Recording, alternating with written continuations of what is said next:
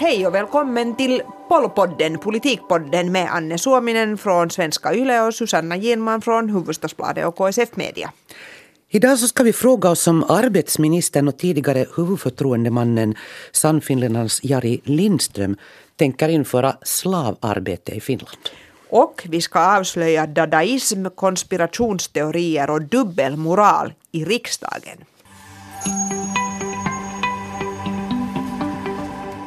Vi ska börja med att prata om arbetslösheten, eh, sysselsättning, möjligheter att eh, få upp eh, sysselsättningsgraden. Skapa nya jobb. Nu kom regeringen, näringsminister Olli Rehn och arbetsminister Jari Lindström alldeles nyligen med ett storslaget paket. De hade en särskild pressinfo om en rad åtgärder för att eh, i synnerhet stödja småföretagare, mikroföretag och för att åtgärda så kallade flitfällor eh, för att de arbetslösa ska det ska alltid löna sig att ta emot jobb. Jobba. Det ska alltid löna sig att arbeta. Och vi ska titta lite på de här åtgärderna. Nu när vi bandar podden så är allt inte riktigt så här klart ännu utan, utan Jari Lindström ska hålla ytterligare ett info för att öppna sina förslag. Det är ju lite intressant det här att man, man kallar till en presskonferens för att presentera åtgärder och så visar det sig att man kan inte heller presentera alla åtgärder utan man ska ha en ny presskonferens där man presenterar lite mera.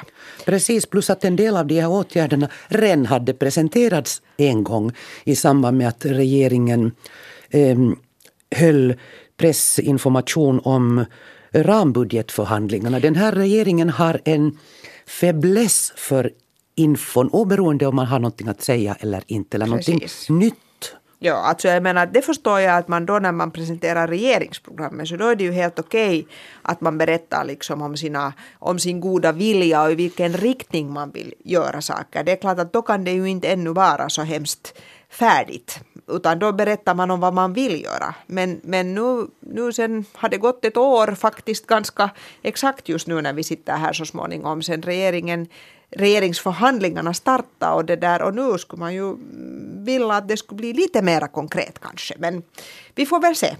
Jag tittade faktiskt på hela presskonferensen för jag skrev också en webbartikel om den och det slog mig att jag, man tror jag är översynisk nu för tiden eftersom jag an efter att de här förslagen lades fram på presskonferensen så tänkte jag att okej, okay, okej, okay, okej, okay, no, det stora kommer väl sen då till sist.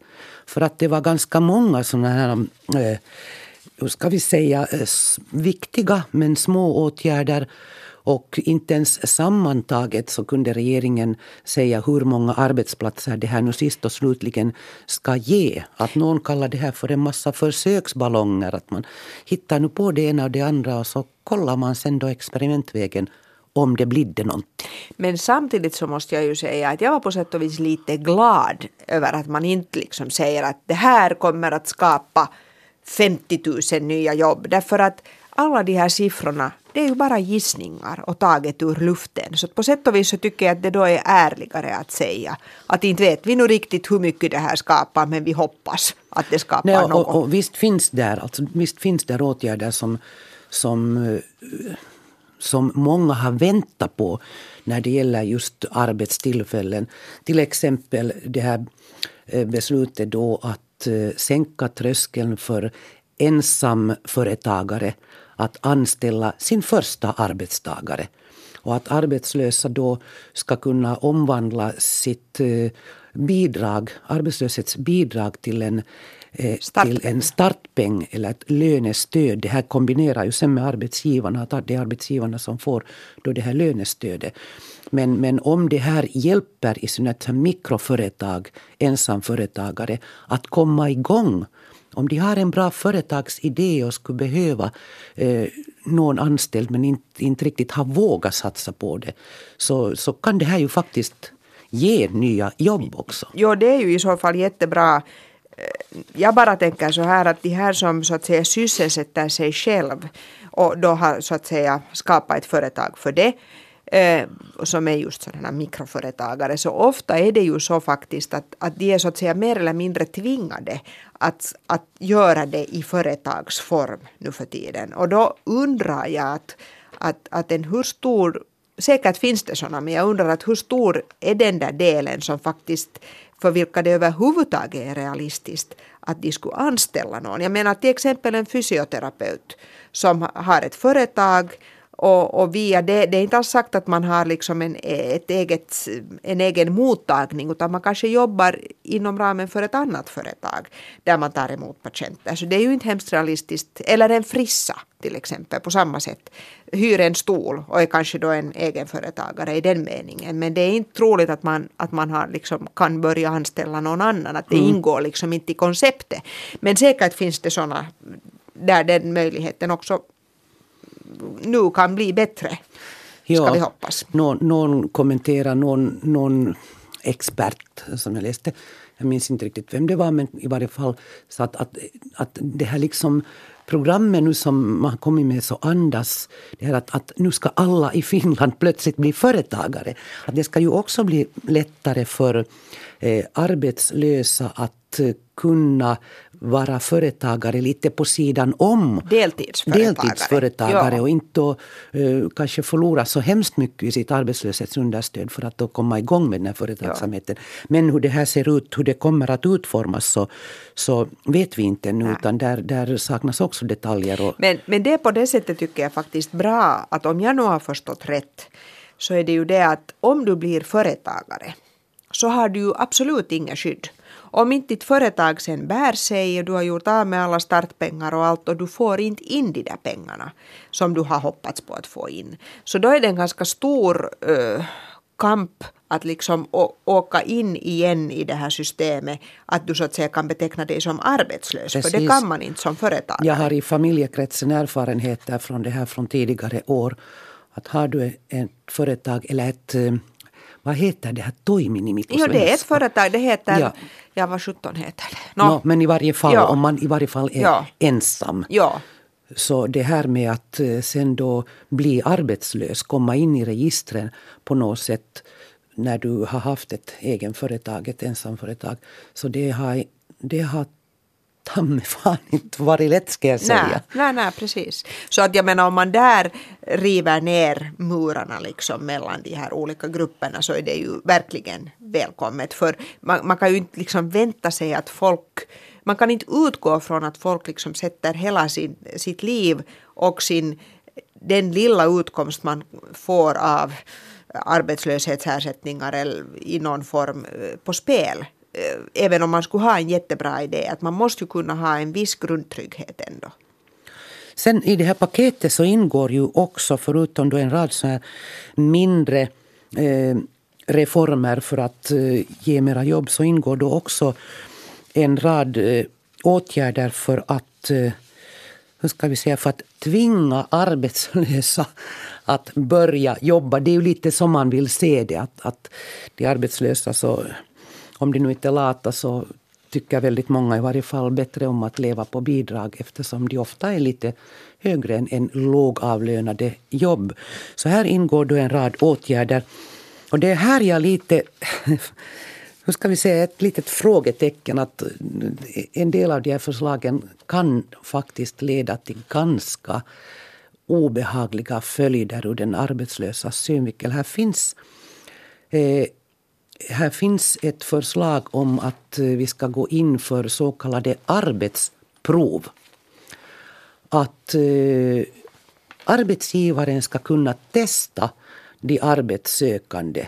De får jobba korta perioder, till exempel två veckor för att eh, visa vad de går för. Och eh, så kan de då med god tur få det här jobbet. Men under den här tiden, om jag har förstått det rätt, då de jobbar så får de då ingen lön. De får förstås sitt arbetslöshetsbidrag. Men de får, de får inte heller tillgång till hälsovården, företagshälsovården. De har liksom inga rättigheter. Och om de då inte duger så jag, jag bara ser framför mig att då står det liksom tio arbetslösa arbetssökande i kö och arbetsgivaren plockar in dem. An efter två veckor i taget och plötsligt så har han då haft någon att göra ett eh, ganska enkelt jobb det kan ju inte vara men ändå gratis. Ändå ett gratis ja, jobb. Ja. Och, no, det här är min cynism igen men, no, men, men jag tycker att man måste ställa de här frågorna också. Absolut. Hur kommer det här att se ut i praktiken? Ja, alltså inte det är ju nu helt eh, bara din cynism Anne för att vi vet ju att det finns sådana här praktikantsystem inom ramen för olika utbildningar. Eller till och med fast man så att säga är mer eller mindre färdig om man inte på pappret är färdig så kan man ju göra sådana här praktikperioder. Och vi vet att det utnyttjas ganska skrupelröst också av myndigheterna. Så att det där, eh, eftersom det är en billig, en, en, en, det är då i det fallet en ofta ganska kompetent men, men klart billigare arbetskraft. Så att, så att jag tycker nog att det finns orsak att vara på sin vakt och det såg jag också Jari Lindström, då sannfinländsk arbetsminister, säga i en intervju att jo, man måste nog vara väldigt noga med det här men jag vet inte bara riktigt att hur går det till i praktiken då? Att är det någon som kollar hur många sådana här arbetsprov eh, företagen har haft liksom och, och kanske i, då i någon slags kedja eller inte. Det har jag absolut ingen aning om. Jag vet inte liksom vilken byråkrati som skulle behövas för att göra det i dessa eh, tider när, när byråkratin ska bantas ned och, och så här kunde ju ha motsvarande arbetsprov för våra regeringar. Ja, Två det kanske inte skulle vara så tokigt. Ja. Två veckor oavlönade i taget ja. och är vi inte nöjda så, så får de så, gå. Så får de gå och så byter vi ut dem. Ja, fast då ska vi väl ha nyval eller no, någonting. Ja, no, det, blir lite för, det blir säkert mera komplicerat. Ja. Men, men ännu om de här eh, Lindströmska förslagen, det finns ju också andra förändringar som, som man nu då föreslår. Till exempel så ska skyldigheten att ta emot jobb om du är arbetslös, den ska, eh, den ska alltså bli hårdare. Du, du, drabbas alltså av, av påföljder om du tackar ja. nej. Det finns. Och, det här, och grunderna för när man får tacka nej kommer då antagligen att ändras. Det här är ju just det som vi inte vet detaljerna om. Men, men jag tittar bara på att vilka liksom är påföljderna idag. Man är ju redan skyldig att ta emot ett erbjudet jobb. Eh, om man inte har har motiverade grunder och de är ganska hårda de där ja. eh, villkoren faktiskt. Ja. Men om du tackar nej till ett jobb utan, utan giltig orsak, giltig orsak så, så mister du ditt arbetslöshetsunderstöd. Eh, du kan mista det för 30 dagar, för 60 dagar, till och med 90 dagar om det är så att du upprepade gånger tackar nej till ett jobb utan giltig orsak. Ja, då kan du ju mista det helt och hållet. Man kan alltså, mista det faktiskt liksom helt och hållet. Plus att det finns, tid. plus att det finns sen, sen kommer det till och med in en sån här arbetsskyldighet. Jag har aldrig hört om att någon skulle ha tvingats ta emot ett jobb men det, det finns faktiskt regler också om arbetsskyldighet att man måste eh, då faktiskt för att överhuvudtaget någonsin mera få sitt arbetslöshetsunderstöd så är du tvungen att jobba någonstans i eh, en viss tid. Jag tror till och med det var upp till ett år, att det är ganska länge. Men, men hur som helst så, så det här eh, det är redan ganska hårda påföljder om du inte tar emot ett jobb. Och det har till exempel sagts nu då att, att eh, antalet eh, arbetslösa som vägrar ta emot ett jobb har ökat kraftigt och, och, och, och att, eh, att man måste gå in för att skärpa de här reglerna lite. Och jag ringde faktiskt upp en forskare på arbets och näringsministeriet. Han heter Heikki Räisänen som, som sitter på de här siffrorna. Och eh, jo, de har ökat. Antalet som tackar nej till ett jobb de var 2013 drygt 4 000. I fjol var de ungefär 15 000. I slutet av september låg det på lite på 12 000 men vi räknar med att de ökar sig mot slutet av året nu. Nå, jag frågade honom att kan man dra den här slutsatsen då att, eh, att människor har blivit latare, vant sig vid att leva på bidrag, inte vill mera jobba. Han sa att nej, det kan man nog inte. Att det här har en så enkel, delvis alltså en, en mycket enkel förklaring. Och det är det att myndigheterna för något år sedan gick in för att aktivt erbjuda jobb. Man erbjöd under ett år en halv miljon jobb. Och då erbjuds de åt många, varje jobb kan erbjudas åt, åt ganska många. Och, och då kommer det också in arbetslösa som överhuvudtaget inte har någon kompetens för just det jobbet. Så att många av de här som har tackat nej, den här ökningen beror långt på just det att eh, de har fått erbjudanden om jobb som de överhuvudtaget inte kan ta emot. Ja, här är ju också det som man nu, det här är bara spekulationer, men man har ju funderat på det här att vi, vilka kunde de här skärpningarna nu då mm. vara? Och en sån som, som man väl har spekulerat på är ju det här att nu får man nu har man, när man blir arbetslös, så under de tre första arbetslöshetsmånaderna så kan man vägra att ta emot jobb som inte motsvarar ens utbildning eller ens arbetserfarenhet. Men bara alltså tre månader, vilket är en tycker jag en ganska kort tid. Att om jag tänker att jag skulle bli arbetslös så, så har jag då tre månader på mig att, att tacka nej till jobb som inte är journalistjobb eller informatörsjobb eller något sånt här. Och sen ska man då alltså ta emot vad som helst och nu har det spekulerats i då att, att den här tiden skulle förkortas till en och en halv månad eller något annat. Och det är ju nog en väldigt kort tid och det här får ju alltså sådana konsekvenser eh, att det där att eh, om man tar emot då något sämre så att säga sämre jobb som kräver mindre kvalifikationer så är ju lönen antagligen lägre och det betyder ju sen i förlängningen att om man blir arbetslös på nytt så sjunker ju också ens inkomstrelaterade arbetslöshetsersättning ganska mycket. Jag tror att det här är ju det, det som kan hindra många människor från att ta emot vad för jobb som helst eftersom det liksom får sådana här konsekvenser. Att annars skulle människor säkert vara beredda att testa på olika saker. Ja, just det här som du sa att, att, att till exempel för dig skulle det ganska, vara ganska svårt kanske att hitta ett motsvarande jobb på, no, på tre månader. Och, och, ja. och det, det, är just den här bedömningen som har gjorts att, att i synnerhet högutbildade och inom den akademiska världen där blir det ju ganska många arbetslösa ja. nu i samband med ja. utbildningsnedskärningarna. Ja. Så, så är tre månader en kort tid Precis. faktiskt för att hitta ett nytt jobb. Ja. Och om du dessutom förkortar den till en och en halv mm. månad som det då säkert Kanske. blir. Ja, vi vet ju inte, om men... de nu inte skippar mm. den här mm. gränsen mm. helt och hållet så, mm. så ställer nog till det ja. ganska ordentligt. Ja, ett annat krav är ju det här med att, att nu, nu för tiden är det så här att, att, att om ett arbete ligger högst på 80 kilometers avstånd och det där den dagliga arbetstiden är ungefär, äh, ar, förlåt, arbetsresan tar ja. ungefär tre timmar. Så där går liksom den där gränsen, tre timmars arbetsresa per dag, det är ganska mycket. Ja. Om du tänker till exempel att du har småbarn. Så, så hur, det, det är nog ganska jobbigt. Men, och, och det, det, här är ju också någonting som, om jag har förstått uh, de här uh, pappren från regeringen rätt, så kommer man att också titta på de här gränserna för mm. hur långt ska du vara tvungen ja. att resa. Eller man talar om flexibilitet, rörlighet, flexibel Precis. rörlighet. Ja. Men, och, men allt det här klarnar ju bara Lindström öppnade. Men, men det här är igen ett exempel på hur allt hänger ihop med allt. För att det, där, det här hänger sen ju ihop med bostadspolitiken.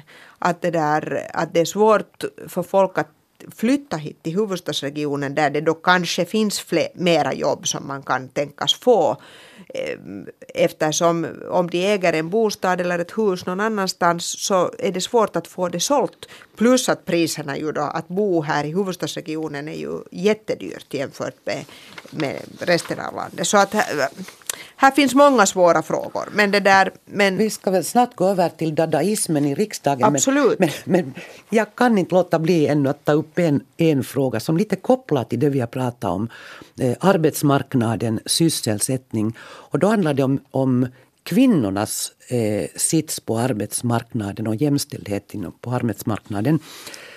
Eh, häromdagen så kom lärarfacket OAJ med ett uttalande som har att göra till exempel med, med förskolepedagogik och, och barn, barnuppfostran och så här. Och de föreslog att eh, Syskontillägget eh, i hemvårdsstödet, det vill säga det tillägg som betalas ut då för eh, syskon över tre år som inte berättigade till hemvårdsstöd i sig längre, så att det borde slopas för att eh, få ut de här tre år fyllda barnen mammor? Nej, utan få de här barnen ja, i första förlåt. hand med i, i dagvårdsverksamheten.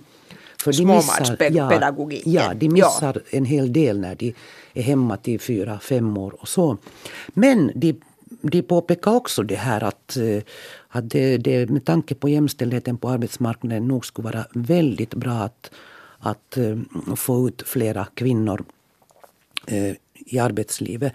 Och eh, en samlingspartistisk riksdagsledamot eh, Sara Sofia Sirén hoppar bums på det här och, och har nu lyft fram att den här frågan borde diskuteras. Hela hemvårdsstödet, att hon är redo att stödja då det här med att slopa syskontillägget. Men att, att eventuellt också hela hemvårdsstödet.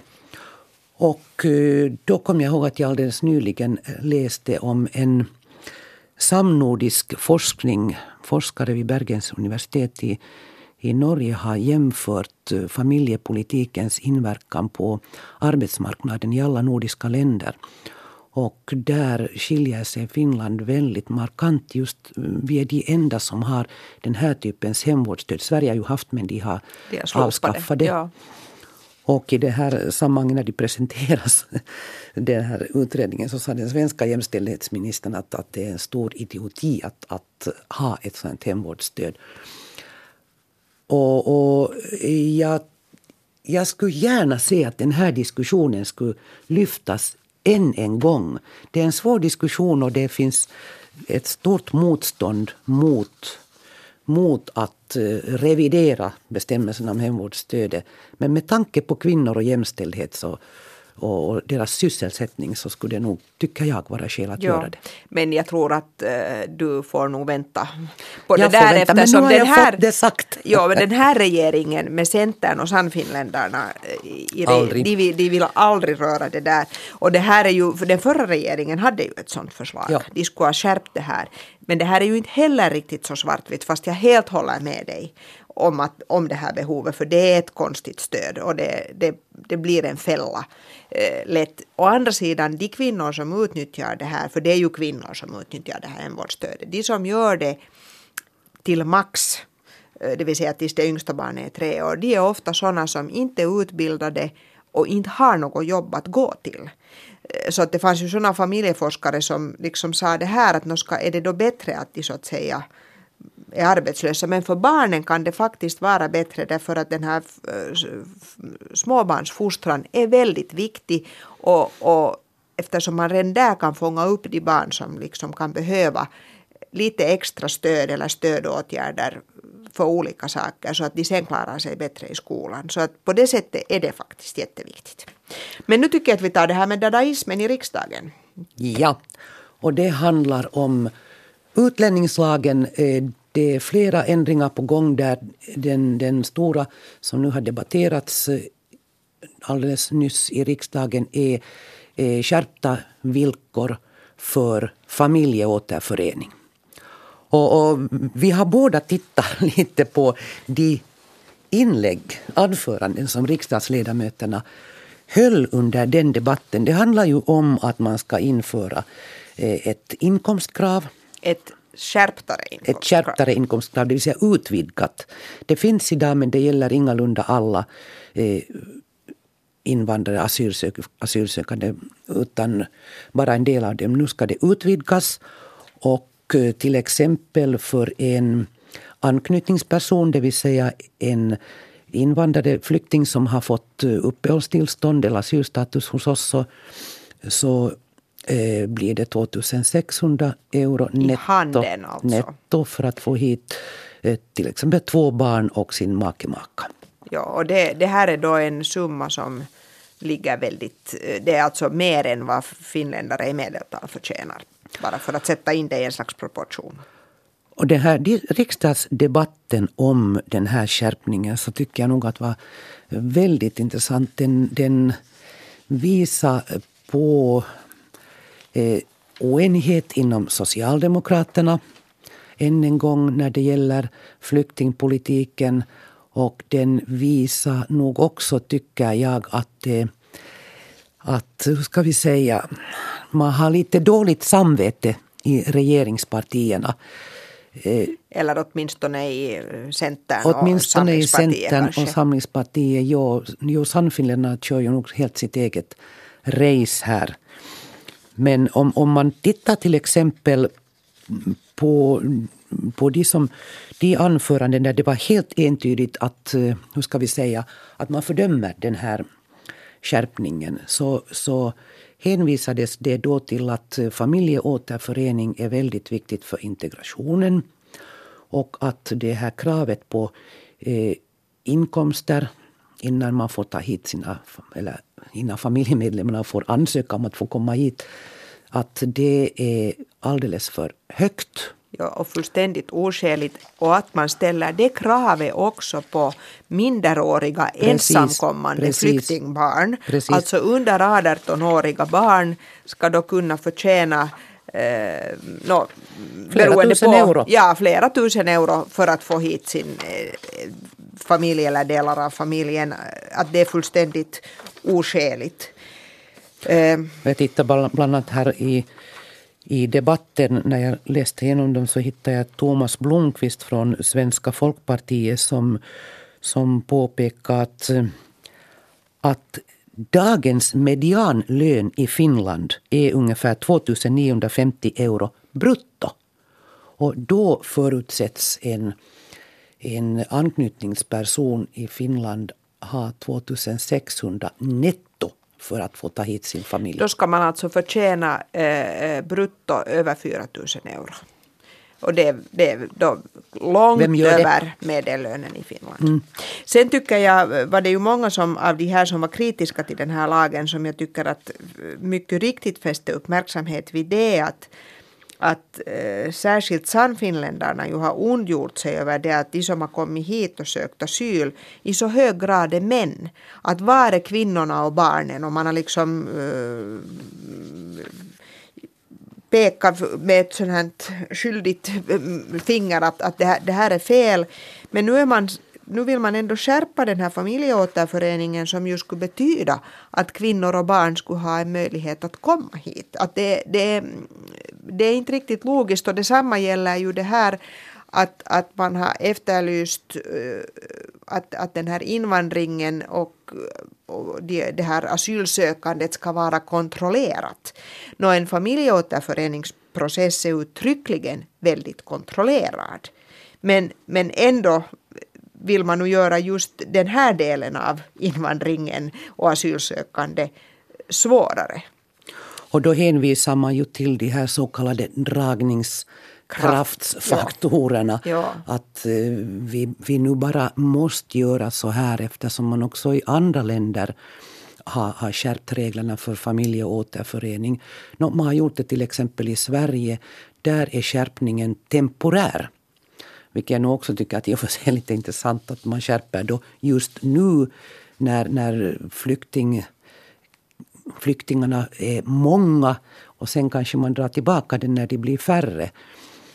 No, men hur som helst, här i Finland så hänvisar vi då till att eh, vi måste göra så här när också andra länder gör det. Och det här, den här hänvisningen används också när det gäller de här minderåriga barnen. Att om vi inte också förutsätter en inkomst eh, eller ett, ett inkomstkrav för minderåriga barn så kommer det att leda till att det skickas eller kommer ännu flera minderåriga barn hit. Nå, de här barnen som har kommit hit har faktiskt inte varit särskilt många Nej, i Sverige under de, de gångna många. åren. Där är de många. Men här har det inte varit särskilt många. Det har handlat, handlat liksom om någon handfull per år ungefär. Jo, no, nu är fått, det ju fler. Nu är det flera och det, det, det är helt klart. Ja, men, ja. Men, men trots det så kan det inte handla om ett en verkligt stor mängd. mängd. Det som, det som jag hade väntat mig att skulle komma fram i den här riksdagsdebatten och som jag inte har fått korn på Uh, nu när jag försökte, jag har då tittat på protokollet för jag kunde inte följa med den här debatten som tog många timmar. Uh, så jag hade väntat mig att, att riksdagsledamöterna skulle hänvisa till de utlåtanden som kom in om, om det här förslaget innan, det, ja, innan riksdagen mm. gav det till, när regeringen gav det till riksdagen. För till exempel justitiekanslern kom med ett mycket kritiskt utlåtande. Eh, och det var också en del andra som, som gjorde det som ifrågasatt många av de här punkterna här. Så att det där mm, så att eh, vi får nu se hur det går. Den här ska väl nog, hoppas jag, också granskas av grundlagsutskottet. Den ska granskas, ja. ja den, den, har nu remitterats till förvaltningsutskottet. Och, och, och det här, vi har tid, tidigare talat eh, någon gång om vår lagstiftning och att det ibland görs, eh, kommer lagförslag som inte är riktigt genomarbetade. Och regeringen har ju faktiskt fått dra tillbaka en del och ändra på en del. Och, och, och, och i den här debatten så fick jag den här känslan när jag tittade igenom de anförandena att, att det här är kanske inte heller riktigt genomtänkt och att regeringen eh, vet det för att eh, till och med inrikesminister Petteri Orpo sa att no, ja, det här med minderåriga barn, att, att om det nu det ska ju, alla ska få en individuell behandling så, så man kan göra undantag där. Men om ni nu vill i förvaltningsutskottet lite titta och fila så, så är det helt okej. Okay liksom. och, och detsamma gällde en rad andra frågor där. Att tittar ni nu i förvaltningsutskottet att, och, och den hänvisningen till att individuell behandling så vi så. Så man frågar sig då liksom att varför stipulera om inkomstgränser för minderåriga barn om de ändå sen ska få en individuell behandling med en rad undantag. Att vad blir liksom myndigheternas godtycke i, i en sån situation? Kommer barnen att behandlas på ett jäm, jämlikt sätt där? Men det här det kommer säkert att, att eh, filas en hel del i förvaltningsutskottet. Och, och jag tycker att eh, Vänsterförbundets Silvia Modig, jag är ibland lite lagd för konspirationsteorier. Och hon, eh, hon sa i debatten faktiskt att månntro regeringen har lagt in det här stadgandet om att också minderåriga barn förutsätts ha en skälig inkomst innan de får ta hit sina föräldrar och syskon. Man tror det här har lagts in bara för att förvaltningsutskottet sen ska få stryka det och så kan vi alla applådera och säga att yes, regeringen lyssnar på riksdagen och det här blir ju en riktigt human lag ofta gör man ju så här. Precis, att man kommer har, med något värre dåligt bud och så, så när man lite mjukar upp det så då tycker alla att oj vad det blev bra nu. Fast det de facto blev väldigt mycket sämre jämfört med utgångsläget i mm. alla fall. Men det där, och var det inte Silvia Modig som också eh, kom med det här dadaism Jo, hon, hon betecknar, bra du påminde att vi har ju lovat avslöja vad dadaismen är i riksdagen. Hon alltså betecknar den här diskussionen, debatten om eh, skärpning av familjeåterföreningsreglerna som en dadaistisk eh, debatt eftersom det förekom på riktigt en rad motsägelsefulla eh, åsikter i synnerhet i regeringspartierna resonerar man då å ena sidan kring det här att jo, jo, det här är inte alls bra för integrationen. Men å andra sidan så måste vi ju ändå med tanke på att också andra länder gör att, att, att liksom det fanns ingen linje. Och detsamma kan man säga att, att det där, det var ju intressant att, att se på hur Socialdemokraterna Ja, det var nog dadaism i potens. Det var också dadaism i potens för att där var det en del socialdemokrater som tyckte att det här var mycket bra, att det här förslaget verkligen är motiverat. Eh, andra Som gruppordföranden ja, Antti Lindman. Han, var, han, han, I sitt första anförande så sa han att han tycker nog att det här är motiverat. Och så säger riksdagsledamoten eh, Tytti Tuppurainen från Socialdemokraterna att det här är helt undermåligt. Det här går emot Socialdemokraternas grundläggande värderingar. Det här lagförslaget måste förkastas. Så var har vi den socialdemokratiska linjen? Man kan nästan citera en sannfinländare här, eh, Sampo Terho. Simon Elo Simon Elo, ursäkta Simon Elo, som påminde om att eh, Jutta Urpilainen år 2010, då Sannfinländarna kom eh, med så då var det eller en rad riksdagskandidater ja. kom med ett manifest som kallades för det, det njugga manifestet. manifestet som var eh, verkligt invandrarkritisk och föreslog en rad åtstramningar. Då förklarade Jutta Urpilainen att det här är, det här är alldeles fruktansvärt, sånt här är helt oacceptabelt, vi kan aldrig stödja någonting sånt här. Nå, sen när regeringen skärpte invandringspolitiska linjen i november i fjol så förklarade Antti Rinne att Socialdemokraterna kan skriva under alltihopa. Eh, jag tror det var tidningen Ilta Sanomat som hade jämfört eh, det här njugga manifestet och regeringsprogram. Det här asylpolitiska programmet. Asylpolitiska ja. från i höst, från i höstas och kommit fram till att nu har det njugga manifestet egentligen eh, håller på att förverkligas. Det, det har realiserats. Mm. Så det som Urpilainen fördömde totalt år 2010 så skriver Antti Rinne nu under. Att så här beroende på så svänger man kappan. Och det som ju är så ledsamt här, fast vi nu eh, tar det lite ur sån här humorsynvinkel också, men det är ju, det är ju då det att, att man tummar liksom på de här grundläggande principerna när det gäller eh, mänskliga rättigheter och eh, flyktingkonventioner och barnens rättigheter och sånt här. Och det är nog jättesorgligt att se. Jag menar det gäller ju också det här EU och Turkiet-avtalet. Att, att bara för att nu hela EU då unisont går in och säger att det här är nog helt okej. Okay, så, så, så ska man då de facto kunna tumma på sådana mm. principer. Usch, så vi. Vi får, vi får garanterat återkomma till den här frågan i, i vår podd för att eh, eh det finns ju också andra skärpningar på gång som, som EU-direktiven möjliggör. De tvingar inte fram dem, men de möjliggör.